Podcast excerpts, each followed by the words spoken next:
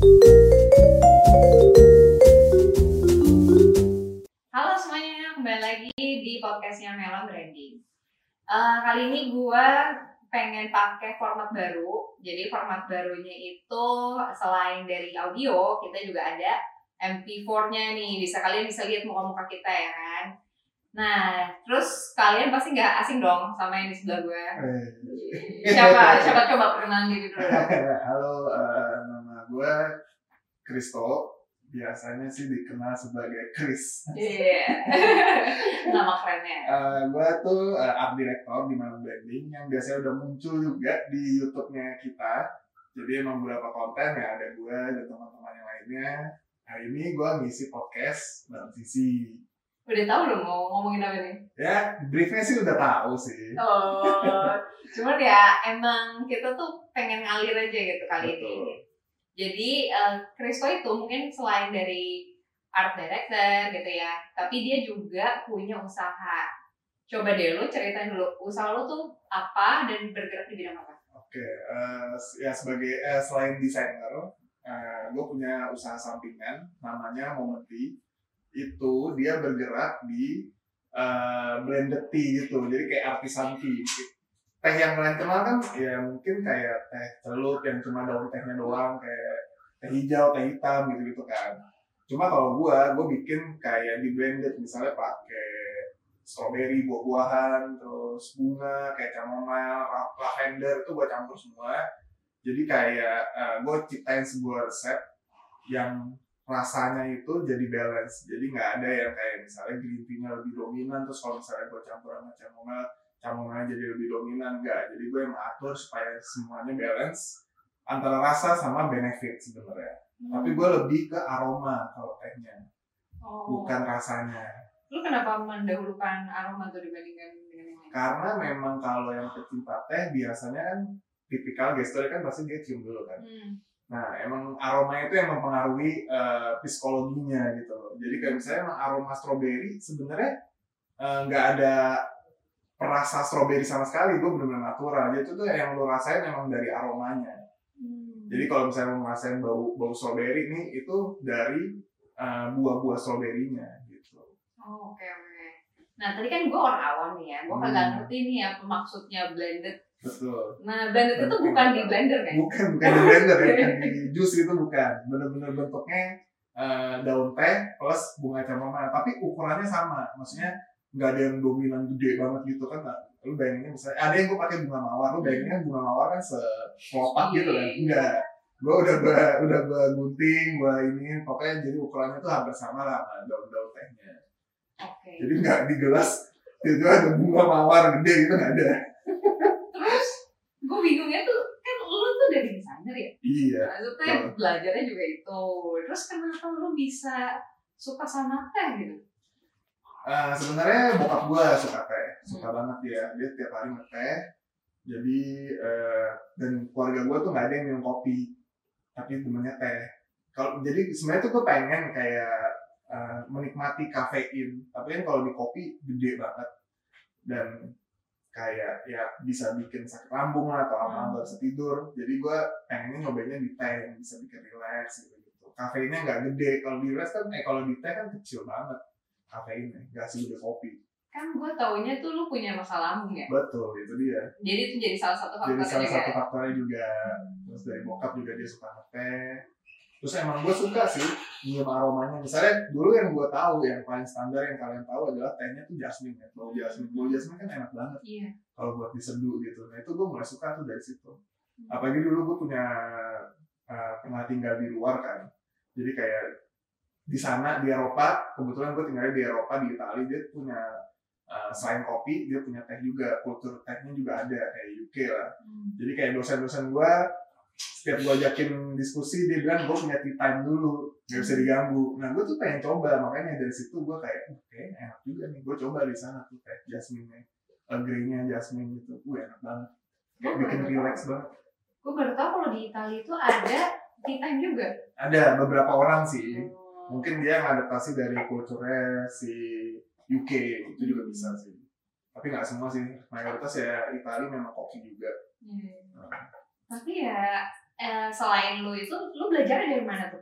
Kayak kan lu suka udah teh ya Hmm, dari uh, bokap lu terus lu sendiri kan ada penyakit lambung jadi nggak bisa ngopi iya, gitu kan. betul, betul. terus suka wanginya juga. Terus lu belajarnya dari mana tuh ngeraciknya gitu Belajarnya gue pernah ikut seminar sekali doang. hmm. kayak basic-basicnya aja lah kayak pengenalan jenis-jenis daun teh gue bahkan gue baru tahu jenis-jenis daun teh itu ya pas gue mau mulai bisnis ini kayak ternyata ada black tea, green tea, oolong tea, white tea, teh putih juga ada gitu, -gitu. itu gue baru tahu jadi gue emang belajarnya cuma dari seminar dari YouTube dari artikel-artikel orang gue uh, gue cari terus gue rangkum sebenarnya eh, nggak ada ilmu pastinya sih kalau ngeracik teh itu semua, terserah lu. Preferensi lu terserah. Lu bisa explore sebanyak mungkin. Lu mau pakai buah apa mau daun apa itu bisa. Yang penting semua rasanya balance aja. Gitu. Emang enggak maksud gua kenapa harus balance sih? Kayak kan ada orang yang sukanya strong banget itu gitu dia. Sebenarnya eh, kenapa gue bikin balance ya? Karena untuk eh, secara general aja. Cuma balik lagi ke preferensi orang. Hmm. Eh, bahkan salah satu customer gue nih dia beli teh gue sebagai basicnya.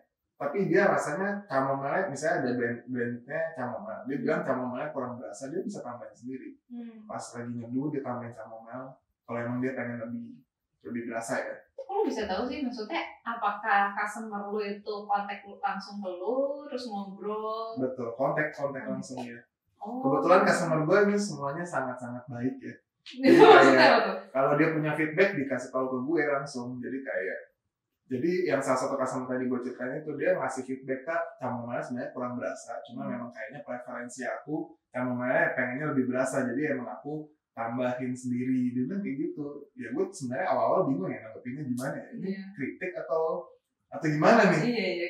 Karena nggak kelihatan nggak kelihatan gitu betul ya karena makanya gue bilang ya eh, memang tergantung preferensi orang sih. Kayak ya kalau emang lu pengen rasanya yang satu lebih dominan ya silakan ditambahin sendiri boleh. Hmm. gitu dan itu kan apa ya lu ngobrol langsung nih sama customernya hmm.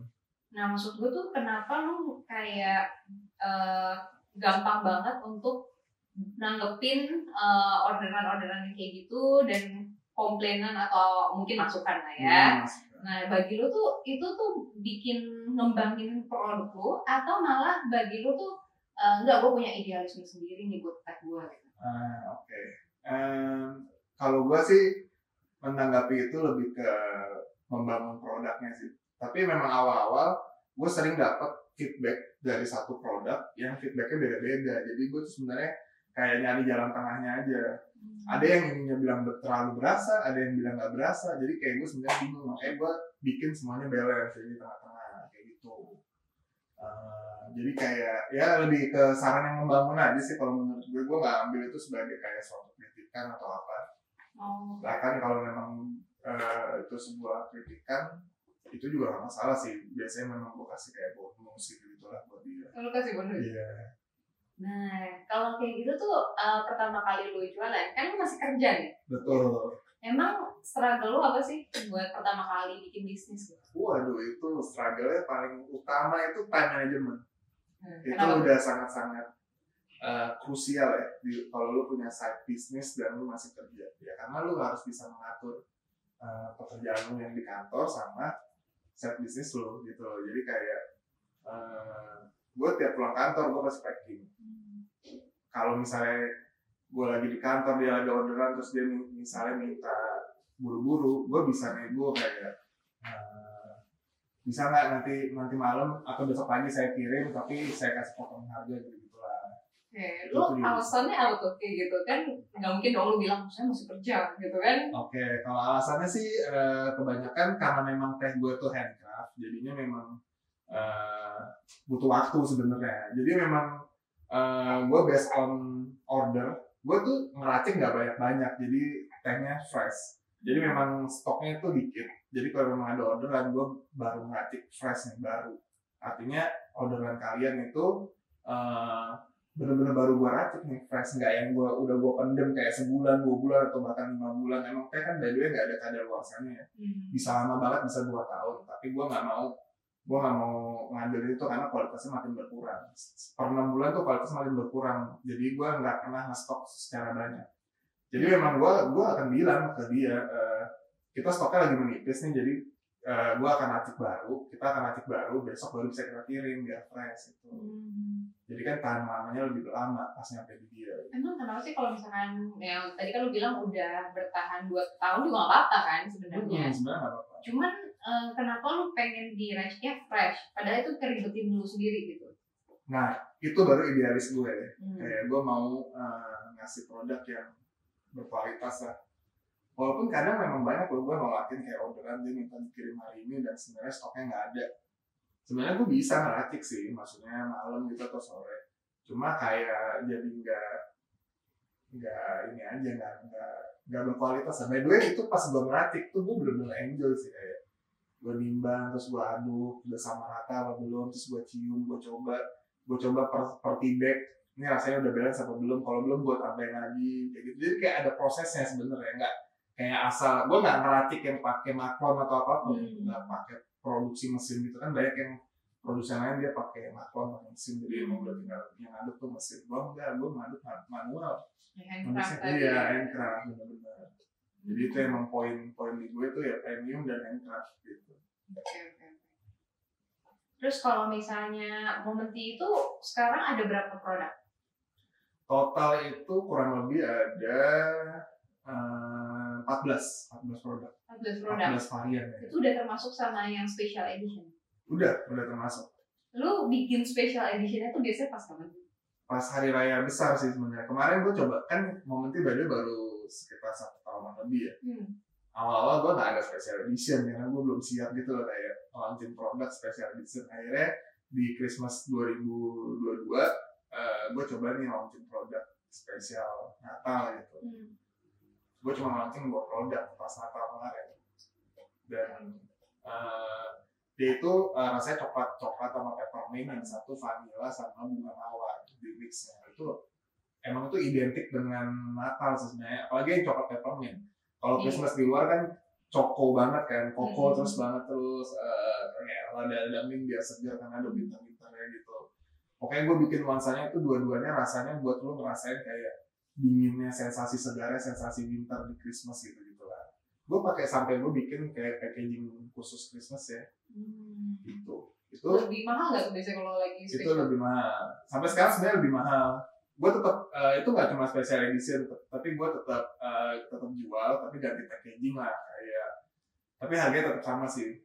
Karena itu emang campurannya lebih banyak bahan-bahan dan lebih mahal Oke, kalau di bisnis awal nih, ya kalau di pengalaman gue, karena masih awal banget bikin bisnis itu tuh pasti lu bingung tuh ngatur Hmm. keuntungan, ya kan, Eh, ngitung pusing. pos, aduh itu kayak tenaga lu kadang Iya. nggak dihitung waktu di awal. iya. Nah, bagi lu tuh menguntungkan nggak pas di awal? awal-awal eh, menguntungkan sih menguntungkan karena gue ada hitungannya tapi memang gue nggak bisa nge ngontrol apa ya maksudnya cash flow-nya gitu loh. Maksudnya kayak modal berapa terus gue beli berapa. Eh, bahkan kayak jadwal pembelian pembelian aja gue berantakan bener-bener kayak Maksudnya pembelian stok. pembelian stok ya berantakan gue kayak ah kayak gue harus beli deh beli deh banyak langsung. Gitu Hmm. tapi habis itu ternyata eh, untuk gue nggak seberapa nih habis pembelian. Harusnya kan sebenarnya itu masuk ke bulan depan misalnya kayak gitu. Gue enggak ya gue gue broken di bulan ini profit gue segini gitu gitu apalagi gue background desainer ya gue nggak Iya. ngerti. Nggak ngerti gue bikin tabel-tabel gitu gimana. Kayak rumus-rumusnya misalnya ada modalnya berapa profitnya berapa terus ada namanya yang ads segala macam Tokopedia ads Instagram ads. Itu gue bingung masukinnya di mana ya? Padahal lu kerja di agensi tapi kayak gitu aja tuh masih iya ngawang-ngawang ya. ngawang-ngawang. Gue nggak ngerti breakdownnya itu di mana gitu. Hmm. jadi ya gue berusaha sendiri lah gue nanya-nanya gimana nih? Kalau misalnya itu gimana sih hitungannya? Gitu gitu gue ada ya memang catatan harga modalnya segini Eh, harga jualnya segini berarti kan sebenarnya udah kehitung tuh profitnya tapi gue nggak bisa nge-track secara reporting aja di, di profit itu Karena ya cash flow-nya itu. Jadi lu anggapannya ya stok banyak dulu dong, ntar repot nih kalau orderan banyak. iya gitu kan. itu yang gue masih lakuin sih sebenarnya Iya, iya. apalagi sekarang kan menjelang lebaran gitu Hmm. banyak banget yang order-orderan eh, orderan bulk order gitu lah banyak jadi gue harus siap di stoknya Dibikin hampers gitu ya. Iya, sebenarnya eh, banyak klien gue yang hampers maker gitu, dia bikin hampers, dia masukin momenty di hampersnya dia dia dijual gitu. kayaknya di lu juga ada kan ya? Ya, by the way, tahun ini gue pertama coba bikin hampers khusus buat Momenti. Ada apa gitu di dalam? Uh, ada Earl Grey sama Jasmine, terus dia ada kayak gelas tapi ada filter tehnya, jadi lu nggak perlu nggak perlu pakai teko, jadi langsung aja taruh tehnya kasih air panas, jadi simple gitu lah. Ini tuh bahannya kaca, terus ada keranjang juga. Aku uh, gue handcraft di daerah sama sama penjual di Bantul, jadi kayak gue kontak ke mereka, gue mau coba bikin sesuatu yang bener-bener handcraft nih. Karena teh gue handcraft jadi keranjangnya pun juga harus handcraft. Gue nggak mau kayak yang produksi massal gitu lah.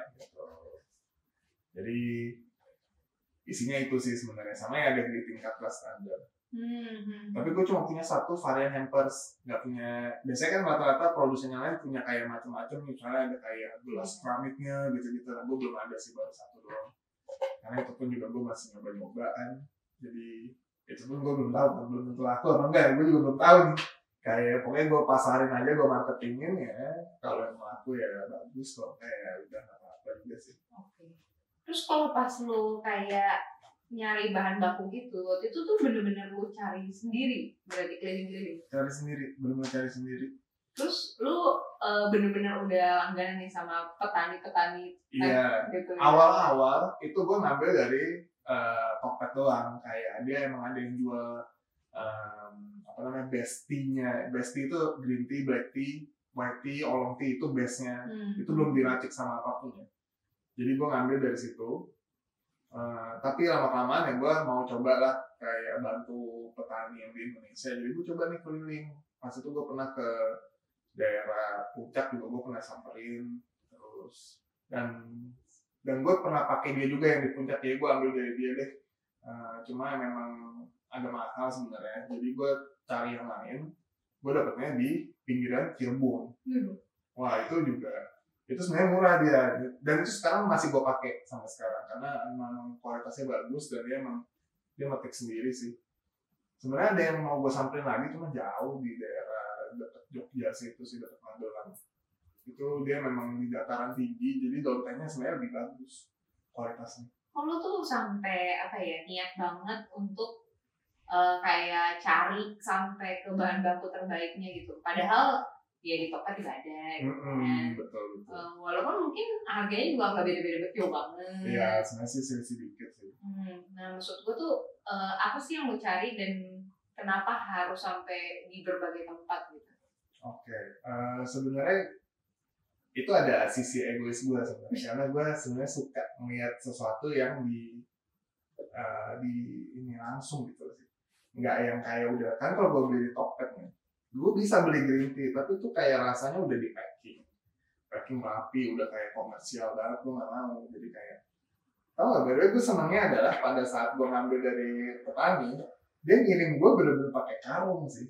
Hmm. karung yang bener-bener daun teh semua isinya. Jadi kayak eh, tradisional aja rasanya. Hmm. kayak nggak ada sisi komersial sama sekali. Kayak lu memang B2B banget gitu. Enggak gue bener-bener langsung datang ke petaninya boleh boleh mas ambil aja. Nanti kita nanti kita diinfo gini gini mau ambil berapa nanti dikirim nanti biayanya segini. Udah gitu tuh udah nggak ada lah. Kayak sisi-sisi komersial MOQ-nya berapa gitu itu nggak ada. Hmm. bener-bener tradisional banget. Mereka pun juga nggak ngerti kali Iya. bahasa kayak gitu. Terus habis itu kayak pas eh, mungkin ya kalau lu ngeliatnya kayak gitu masih packaging dan sebagainya. Hmm. Lu ngerasa itu kayak kurang apa ya eh, environment friendly gitu Iya, udah benar-benar. dibuka lagi Betul. banyak plastiknya gitu kan kalau kita kan dulu sempat dibagi ya pas awal-awal produk ya kan Iya, tuh, awal- boleh kasih lihat gak? Nah, ini nih awal-awal packagingnya banget ya. Packaging awal nih, bener-bener awal banget. Dulu pendek gitu ya. Pendek, kecil. Dan ini, ini gue tuh udah ganti, udah ganti packagingnya. Jadi ini kan bahannya stainless steel gitu ya. Hmm. Ini tuh kayak bau besi gitu. Hmm. Eh gue gak mau karena kayaknya merusak daun tehnya. Dia dia nyerap kan daun teh kan kayak kopi yang nyerap bau gitu. ya. Ini kan nggak food grade ya, sama sekali nggak food grade. Jadi kayak gue rada takut aja. Jadi awal-awalnya gue pakai ini, pun juga gue belinya di Tokped. kayak nyari suppliernya gitu-gitu terus akhirnya gue ganti jadi Yang tinggi. eh, iya corrugated karton itu kan lebih food grade bahannya dan dia nggak akan nggak ngeluarin bau apa pun Hmm. jadi dan dia nggak lembab kalau itu lembab daun teh disimpan dalam sini tuh lembab semua. Masih bisa lembab. Iya, Padahal masih. maksud gua kan beda ya, maksudnya kayak kaleng gitu jatuhnya. Lembab ini kalau Tapi ternyata lu emang udah pakai yang khusus buat food grade, Mm-mm. terus juga sampai lu pikirin juga supaya baunya tuh nggak terkontaminasi Iya, bawahnya. betul betul. Jadi, Dan dan awalnya nih gue pakai tea bag eh, kantong teh. Jadi gue Hmm. masukin manual gitu gitu tapi itu ada positif ada negatifnya. Kebanyakan eh, pencipta teh memang nggak pernah mau pakai bag sih karena dia udah punya filternya segala macam jadi jenis eh, namanya itu tubruk eh, tubruk. Jadi benar-benar daun tehnya langsung dikasih air panas aja ditubruk aja gitu. Makanya sekarang di uh, promo hampersnya itu tuh ada gelas yang khusus buat saringan itu ya. Iya, benar-benar. Karena dulu gue jual ada variannya, jadi ya terserah lu bisa pilih mau ada bag-nya atau mau lu sleeve aja yang daun tehnya aja. Kebanyakan maunya yang daun tehnya aja. Hmm, Jadi bag gue terbuang sia-sia sebenarnya. udah susah packingin Iya. ya. Masa gue setiap ada order, gue nanya, "Eh, kak ini mau ada bag apa enggak? Kan ribet ya. Jadi gue bikin tubruk, eh, gue bikin lu sleeve semua. Eh, tapi tea bag-nya jadi add-on. Jadi kalau emang lu butuh, ya lu tambahin aja nggak apa-apa. tapi lo masukin sendiri lah manual gitu. Nggak gua nggak gua packingin ya maklum lah ya. Industri kecil. Nggak punya pabrik yang buat hasil daun teh sejam bisa seribu nggak bisa gue. Iya. oh, itu gue juga ada pengalaman menarik tuh gue yang pas feedback ini. Zamannya masih pakai feedback ya. Gue pertama kali dapat orderan gede. Kayak 500 kaleng.